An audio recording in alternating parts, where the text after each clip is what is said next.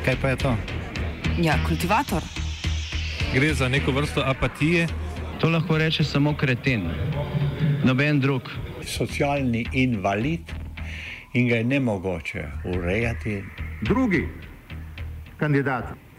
Pa, pa pije, kadi, masturbira, vse kako ti lahko reče. Nihče tega ne ve. Vsak petek skultiviramo dogodek tedna. Lahko po kriterijih radio študent, težko pa po evropskih kriterijih. Ampak na drug način, kot vi tu mislite. Kultivator vedno užge. Da pač nekdo sploh omenja probleme, ki so, in da pravzaprav sploh nekdo sproži dogajanje uh, v družbi. To drži, drži.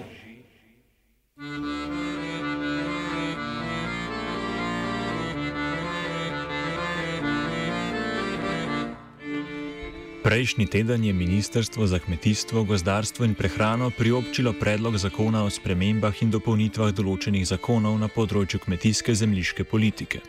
Novela predvideva poseg v tri zakone: zakon o kmetijskih zemljiščih, zakon o skladu kmetijskih zemljišč in gozdov Republike Slovenije ter zakon o dedovanju kmetijskih gospodarstv. Svežen novel, ki predvideva reformo kmetijske zemljiške politike, bo v javni obravnavi ostal do konca tega meseca, potem sledijo usklajevanja na vladi in v državnem zboru. Na reformo se je ta teden kritično odzvala zbornica kmetijskih in živilskih podjetij, kar naznanuje, da bojo nadaljni postopek sprejemanja te reforme prežet s številnimi interesi. Tokratni kultivator tako namenjamo predstavitvi predloga reforme kmetijske zemljiške politike, okoliščinam njenega nastanka in družbeno-ekonomskim posledicam, ki bi jih morebitno sprejetje reforme prineslo.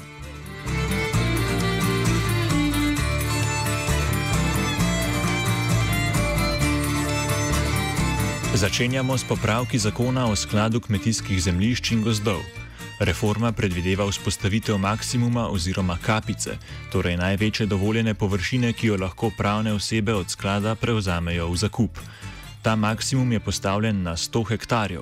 Poleg tega zakon predvideva tudi postopno krčenje površine zakupljenih zemljišč pri tistih zakupnikih, ki od sklada trenutno že najemajo več kot 100 hektarjev. To je tudi predlog, ki je najbolj ujezil zbornico kmetijskih in živilskih podjetij, govori Tatjana Zagorc, predsednica zbornice zakona o spremembah in dopolnitvah zakonov, ki posegajo na področje kmetijske politike. Ne? To je zakon o kmetijskih zemljiščih, pa zakon o skladu kmetijskih zemljišč. In uh, v bistvu tam pa grejo zadeve seveda uh, bolj populistično naravnane in v smeri, uh, uh, bom rekla, razpršitve kmetijskih uh, zemljišč. Uh, zdaj, uh, nas je ta zadeva seveda začudila, zato ker um, dejansko je potrebno, da se ukvarjamo tudi z resolucijo in, in kako bomo te zadeve zagotovili, ne, ne pa z, z tem bojem za posamečne hektarje, ne, ki nastaja zdaj na terenu, uh, kdo bo kaj dobil. Ne. Uh, hkrati pa se, uh, v bistvu vidimo, da, da nismo konkurenčni, če ne bomo uh, boljše in bolj pametno proizvajali tudi v skladu ne samo uh, ekonomije obsega, temveč tudi okolja in tako naprej.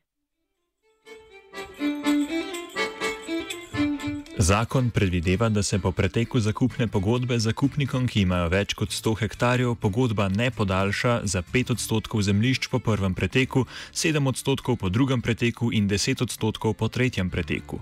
V zbornici kmetijskih in živilskih podjetij svarijo, da gre za drobljenje organiziranih sistemov, ki so že tako krhki in imajo močan vpliv na prehransko verigo. Podjetja imajo nekaj zemlje v lasti, večinoma pa v zakupu od uh, Republike Slovenije. Ne? In zdaj namen teh, uh, tega zakonodajnega paketa je, da se v prvem poteku zakupne pogodbe uh, kmetijskega zemljišča v lasti sklada uh, pogodba ne podaljša za 5 odstotkov zemljišč, potem ob drugem preteku za 7 odstotkov uh, ne, uh, in uh, ob tretjem pa za 10 odstotkov zemljišč. Ne. V fokusu pa imamo samo tista podjetja, pa tudi nekaj fizičnih oseb, ki imajo več kot 100 hektarov. Ne. Tako da mi gremo se neko drobljenje uh, um, uh, tega sistema, ki je že itak krhek, ne se vemo, kje smo za kmetijsko pridelavo v Sloveniji. Ne. Zdaj bi pa organizirane sisteme uh, šli drobiti in ne vemo, sploh, kaj bo iz tega ratalo, ne? če po domače rečem. Uh, vendarle, ne morete vedeti, da ta kmetijska podjetja uh, imajo tudi kooperacijo z, uh, z fizičnimi uh, kmetijskimi proizvajalci, se pravi za kmeti. Tako da to ni, uh, da smo zdaj vsak sebi, imamo, vodimo nek strukturiran uh, sistem, ki ga treba pač izboljševati, ne pa podirati. Državni sekretar na Ministrstvu za kmetijstvo Jože Podgoršek odgovarja, da ukrepi nikakor niso drastični. Kapica ne bo vplivala na že obstoječe zakupnike, ti bodo namreč po njegovih besedah še vedno lahko imeli več kot 100 hektarjev. Tudi predvideno zmanjšanje zakupljenih zemljišč po njegovih besedah ni radikalno. Izpostavi izračun, da bo podjetje, ki ima trenutno v zakupu denimo 1000 hektarjev, po 30 letih obdržalo še dobrih 800 hektarjev. Za obstoječe zakupnike pa predvidevamo, zelo postopno zmanjšanje. Nekako po zdajšnjem zakonu se predvideva um, petletno zmanjšanje pri tistih, ki imajo več kot 100 hektarov kmetijskih zemljišča, ne? petletno odstotno zmanjšanje v prvih desetih letih, sedmo, sedem odstotno zmanjšanje v naslednjih desetih letih in deset odstotno zmanjšanje v naslednjih desetih letih. To pomeni, eh, izračuni kažejo, da tisti, ki ima danes v zakupu tisoč hektarov kmetijskih zemljišč, državnih kmetijskih zemljišč, jih bo imel čez 30 let še vedno okrog 800 hektarov. In ta zemljiški maksimum, eh, zemljiški eh, zakupni maksimum za njih, oziroma ta kapica za njih ne velja. Da je to vrstno zmanjšanje vseeno radikalno, drastično in predvsem nepotrebno, meni agrarni ekonomist Aleš Kuhar iz Biotehnične fakultete, ki ukrep celo primerja s kolektivizacijo v Sovjetski zvezi. Gre za popolnoma nepotrebno spremembo, eh, s katero ni nujno, da sploh karkoli dosežemo. Ne. To je eh, jemati tisti, ki najbolje nekaj, nekaj počnejo, dokazano najbolje. Razlike v produktivnosti med temi najboljšimi kmetijskimi podjetji in med poprečnimi kmeti eh, v Sloveniji so lahko tudi desetkratne v smislu produktivnosti, koliko hrane so sposobna ta podjetja na teh eh, površinah predelati in to, ne, da se 200 hektarjev vzame nekomu, 20% zemljišč, to je ogromno. Ne, definitivno gre za drastične posege, ki so pa kot rečeno nepotrebni na tako nedomišljen način usmerjati strukturne spremembe v modernih državah eh, ni primera. Ne. Definitivno je možno z bolj domišljenimi ukrepi, z bolj selektivnimi v smislu uh, individualnimi, uh, individualnimi nekimi intervencijami najti najemnike, ki ne delujejo v redu in to so lahko tako majhni kot veliki subjekti. Ne. Zdaj pa delati kar tako bolj, bolj še boljševiško rekel, poseganje ne, v te odnose pa nesmiselno, je zelo neposrečeno. Kuharjevo poanto se strinja tudi Zagorc. Po njenem mnenju ima oduzem tudi zgolj manjšega dela zakupnih zemljišč domino efekt. Količnik GVŽ oziroma glav velike živine je namreč odvisen od površine kmetijskih oziroma poljedelskih zemljišč, zato bi prišlo do zmanjšanja na vseh ravneh vertikale. Podjetja, kot rečeno, imajo zemljišča, kjer predelujejo surovine za krmo in tako naprej. Uh, Če se zmanjšajo zemljišča, je potem tudi obremenitev treba ustrezno uh, uh, za GVŽ, ne se pravi za glavo uh, živine, uh, na ta zemljišča uh, primerno razporediti. Prej tudi manjšati, uh, ne, ob tem, da se manjša poljedelstvo v kmetijskem podjetju, se manjša tudi živinoreja. Ne. Uh, tako da pada cel sistem, pada tudi sistem kooperacije za kmeti. Uh, tako da ni samo to, da ajmo to zemljo razdeliti, ker nismo nič uh, rešili, dobenega. Uh, problema iz naslova prehranske varnosti v Sloveniji, temveč smo ga samo še povečali. Ne? Še več vprašanj bo, uh, kaj ti um, sistemi rabijo res kar nekaj časa, da, spos, da se spostavijo.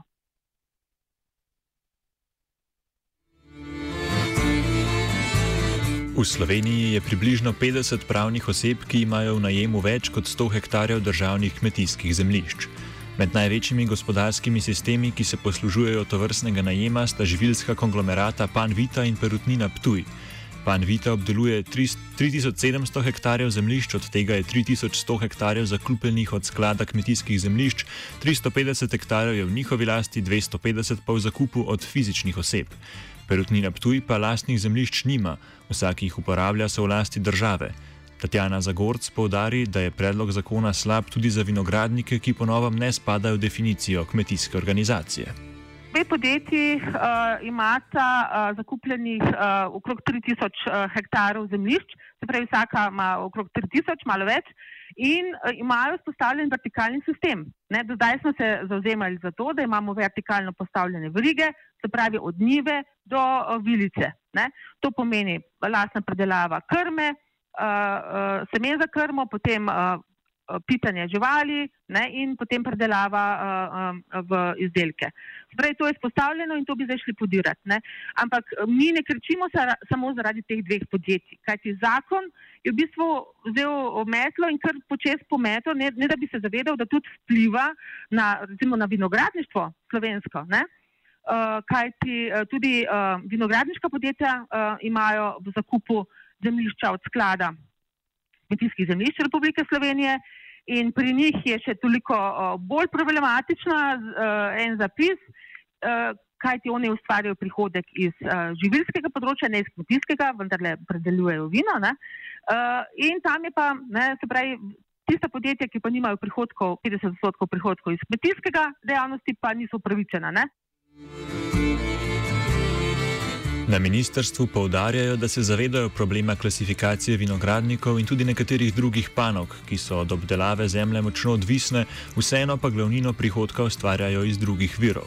Trdijo, da gre pri reformi za začetno fazo usklajevanja in da bodo to vrstnim ponudbam prisluhnili, da pa je vseeno smiselno imeti neko vrsto omejitve. Do tega razmisleka je prišlo zato, ker smo v vseh zadevah pri nakupih, pri zakupih poenotili tako kmetije kot podjetja. Kar pomeni, da lahko z enakim vrstnim redom, kot so to do sedaj bile samo kmetije in so bila podjetja zelo na koncu v skladu z obstoječim zakonom o kmetijskih zemljiščih, v novem zakonu, v osnutku uh, zakona, uh, ki, je, ki je zdaj v javni razpravi, smo podjetja in kmetije izenačili ne, v vrstnem redu. No in ravno iz tega zornega kota se je se resno pojavilo vprašanje, um, v kakšnem smislu pa vendarle omogočati, da so vsi zakupniki izenačeni, ker vemo, da zemljišče načeloma kupujejo tisti, ki imajo kapital in to so pogosto uh, uh, kupci lahko tudi iz drugih branž, kjer se pa seveda, uh, ki so gospodarsko bolj uspešni kot je samo kmetijstvo in tukaj obstaja bojazen teh tako imenovanih že omenjenih recimo špekulativnih nakupov. V luči tega, da bodo nekatere pravne osebe lahko zadržale več obdelovalnih površin, druge pa bodo upravičene le do 100 hektarjev, se pojavi vprašanje pravičnosti tega maksimuma. Podgoršek zagotavlja, da so se pri vzpostavitvi kapice upirali na izračune in analize o povprečni uporabi kmetijskih zemljišč. Glede tega maksimuma ocenjujemo tudi po izračunih o velikosti kmetijskih gospodarstv, da je nekako za družinsko kmetijo na nekem poljedelsko-živnorejskem ali pa poljedelskem delu optimalna velikost kmetijskega gospodarstva nekje med 60 do 100, do, do 100 hektarjev, odvisno malo od, smeritve, od usmeritve kmetijskega gospodarstva in tako naprej. Te študije torej imamo, so nam poznane in zato smo rekli, nekako predvidevali, no, da bi tukaj vendarle postavili kapice na teh 100 hektarjih. Ravno manjše kmetije, torej družinske kmetije in kmetije mladih kmetov, so v fokusu celotne reforme kmetijske zemljiške politike. Mladi kmetje so tako na vrhu prednostne liste pri zakupu državnih nepremičnin, pa tudi dokaj visoko na listi prednostnih upravičencev pri nakupu kmetijskih zemljišč, ko gre za prodajo preko oglasne deske.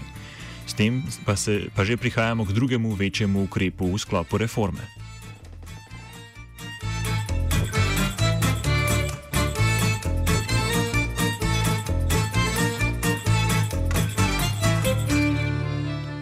Kmetijskega zemljišča namreč ne moremo prodati komorkoli, pač pa imajo določeni tipi pravnih oseb po zakonu o kmetijskih zemljiščih predkupno pravico.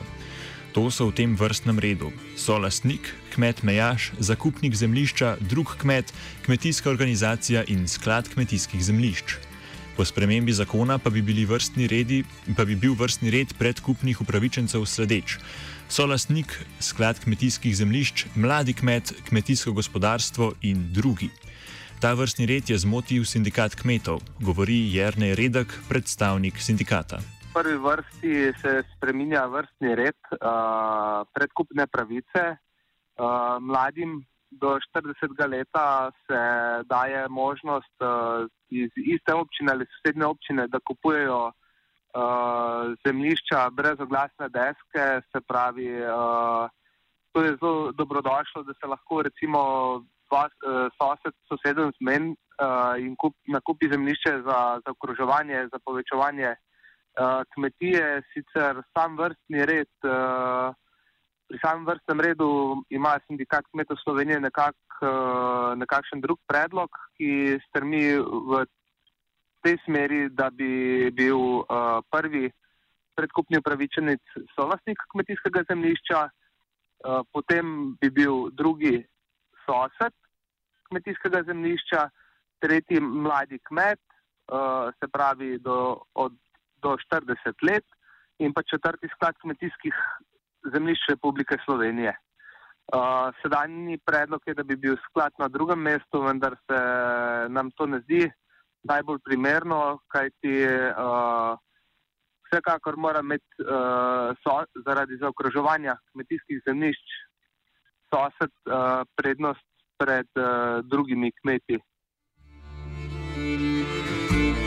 Podobno kot redek, tudi podgoršek z ministrstva opozarja na novo urejeno opcijo lokalnega odkupa, ki predvideva birokratsko enostavnejšo prodajo sosedom. Prodaja preko oglasne deske v vsakem primeru, kot jo predvideva trenutno veljavni zakon o kmetijskih zemljiščih, torej ni več obvezna. Na ministrstvu pa vseeno stojijo za odločitvijo, da je pri tovrstnih prodajah, torej tistih, ki se zgodijo preko oglasne deske, sklad drugi predkupni upravičenec. S tem naj bi namreč zagotovili, da kmetijske zemlje ne kupujejo špekulanti. Mi se zavedamo, da je treba omogočiti lokalnim kmetom, kmet, torej kmetijskim gospodarstvom, da na lokalnem nivoju lahko povečujejo, zaokrožujejo svoje, svoje zemljišča. In v ta namen smo predvidevali, kot tudi študija kaže, potrebo potem, da na lokalnem nivoju dereguliramo same nakupe. Zdaj govorimo o nakupu kmetijskih zemljišč. In zato smo v zakonu omogočili, da na lokalnem nivoju pomeni na, v isti občini, ukolikor je kupec, kmet, ki izpolnjuje nekatere pogoje, lahko v isti občini ali v sosednji občini, kot je prodajalec, kupuje to kmetijsko gospodarstvo zemljišča po zdajšnjem osnutku brez odobritve pravnega posla na upravni enoti. Torej tukaj na lokalnem področju ni država na drugem mestu oziroma nima nobene predkupne pravice. Vkolikor pa gremo na nivo uh, širšega, širših nakupov, ne, torej izven ene ali sosednjih občin, ne, v tem primeru pa ocenjujemo, da praviloma takšna kmetijska gospodarstva tako daleč kupujejo, oziroma kupci, ki so tako oddaljeni od uh, zemlje, ki je na prodaj, to zemljo pogosto nakupujejo iz bodi si nekih špekulativnih nakupov, bodi si zaradi kakšnih davčnih zadev pri velikih podjetjih in tako naprej. Ne. V tem primeru smo pa si zadali cilj, da je tukaj država na drugem mestu, da prepreči špe, te špekulativne nakupe z namenom, da nakupi to zemljo in jo v, preko zakupa vrne nazaj v samo kmetijsko pridelavo, ne, da se na njih, na teh zemljiščih resno uh, lotevamo um, uh, pridelave hrane. Ali uvrstitev sklada kmetijskih zemljišč na drugo mesto predkupnih upravičencev pomeni tudi boljšo aktivno vlogo sklada kot odkupnika, ali so za to že zagotovljena dodatna proračunska sredstva v skladu? V tem trenutku sklad s svojimi sredstvi lahko nakupuje okrog, če smo iskreni, nekje 100-150 hektarov kmetijskih zemljišč letno, nekako toliko sredstev ima v, v, v programu. Uh, v tem trenutku se praktično sklad javlja na vse, na vse prodajne ponudbe na oglasnih deskah in je zaradi prednostnih vrstnih redov uspešen nekako v petini vseh prijav. Ne? Um, in nekako mislim, da še teh sredstev na nek način ne mora porabiti. Mi ocenjujemo, da bo tudi v bodoče situacija približno podobna.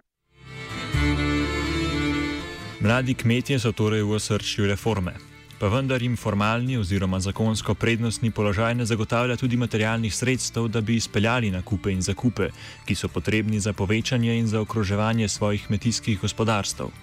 Jrnej redek opozori, da se je do zdaj večino sredstev mladim kmetom zagotavljalo zgolj za nakup mehanizacije, ne pa tudi za prostorsko ekspanzijo. Osnovni resurs v kmetijstvu je uh, obdelovalna površina, se pravi zemlja. Uh, vse, vse nadaljne aktivnosti v kmetijstvu so pogojene z pač površino, ki jih zemljišč, ki jih ima kmetija, to nam ureja evropska zakonodaja. Zaradi, zaradi tega je ta zadeva tako pomembna. Uh, mladi uh, rabijo kmetijska zemljišča, za, da si po, nekoliko povečajo kmetije, da pridobijo s tem potem do, ver prihodka za razvoj kmetije, za norm, normalen razvoj.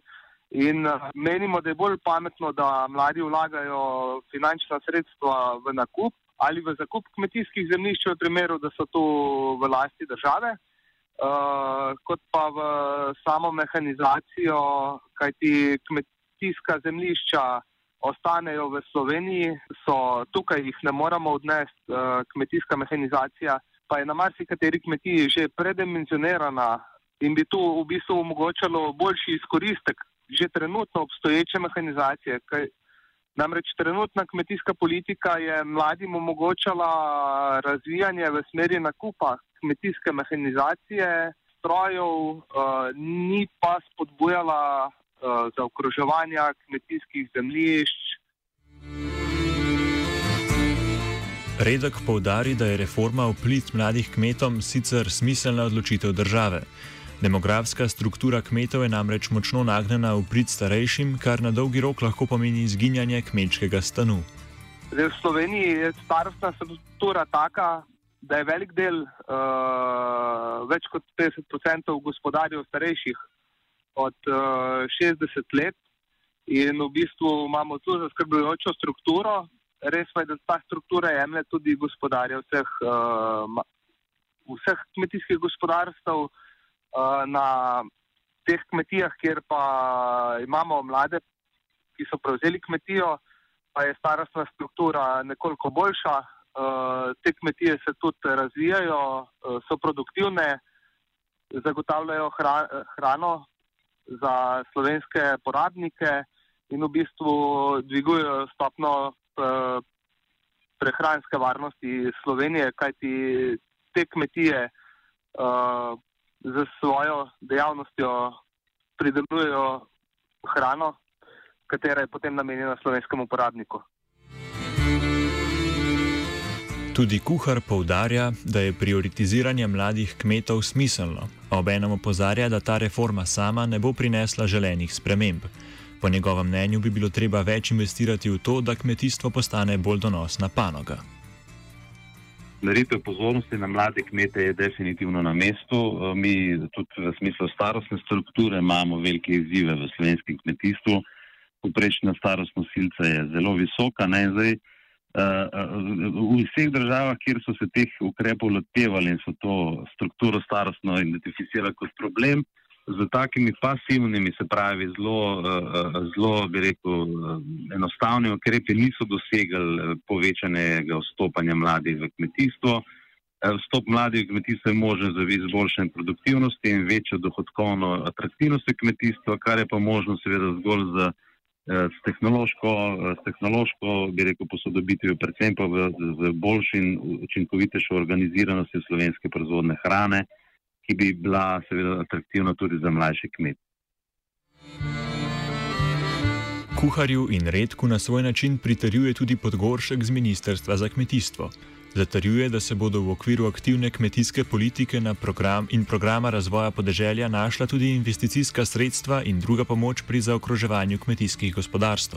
Mi smo prepričani, no, da lahko s to spremembo zakonodaje na nek način pomagamo tem mladim kmetom. Seveda je na drugi strani potrebno uh, razumeti tudi, da bodo te kmetije uh, morale tudi same investirati v posodobitev, uh, specializacijo, kakorkoli že, predvsem pa v povezovanje med posameznimi kmetijskimi gospodarstvi, ker še vedno bodo pa te kmetije, če tudi bomo rekli so 80, 60, 50 hektarske, še vedno bodo premehni igravci na tem vseslovenskem uh, trgu z kmetijskimi, s kmetijskimi zemljišči.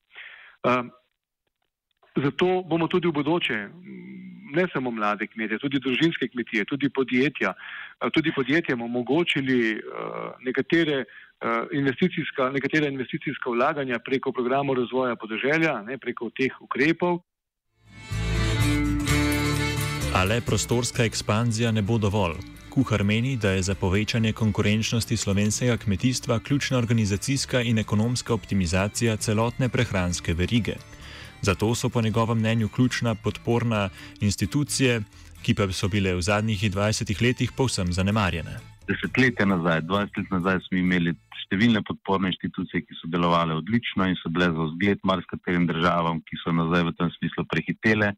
Ter nas so se pa te podporne institucije, ta mehka infrastruktura, razkorile. En tak najbolj nesrečen primer je recimo način organiziranja vinarskega sektorja. Ne? Vinarstvo ima v Sloveniji velik razvojni potencial in tudi zelo dobro deluje, ampak mi smo iz sektorja za to krivi in celotno okolje in politika za to kriva. Ne?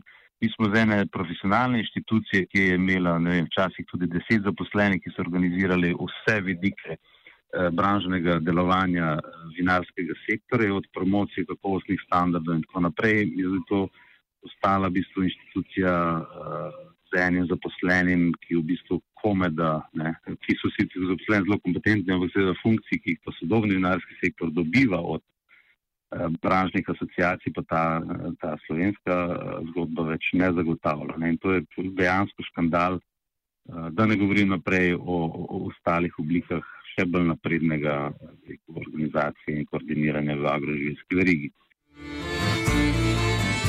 Poleg dveh opisanih večjih ukrepov reforme pa ta predvideva še druge manjše ukrepe. Poenostavljanje postopek komasacije. To je postopka, kjer se sosedna zemljišča združi in na to smiselno razdeli med lasnike. Nova je tudi ureditev namakalnih sistemov, ki bodo obode lahko pripeljali tudi po mejah zemljišč, da se doseže maksimalni izkoristek. Ukinja se status zaščitenih kmetij, razen v primerih delova, dedovanja, našteje Podgoršek.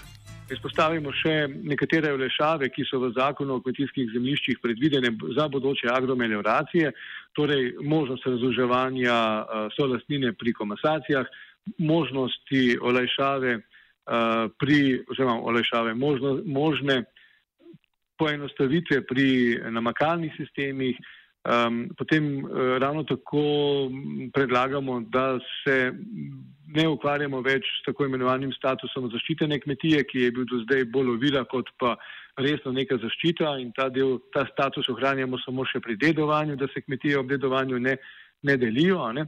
Skratka, rad bi podaril, da ta zakon, ne, v bistvu se res pogovarjamo o teh dveh zadevah, ki ste jih tudi vi izpostavili, ampak ima pa še kupico drobnih uh, malenkosti, za katere sem prepričan, da bodo močno olajšale marsikatero aktivnost na področju kmetijskih zemljišč, od namakanj, komasacij in vseh teh zemljiških operacij, no, vseh, na vseh področjih. V naslednjih mesecih bo tako znanega več o končni podobi kmetijske zemljiške reforme. Zaradi velikega števila ekonomskih interesov, ki so vanjo investirani, njene končne oblike ni mogoče predvideti.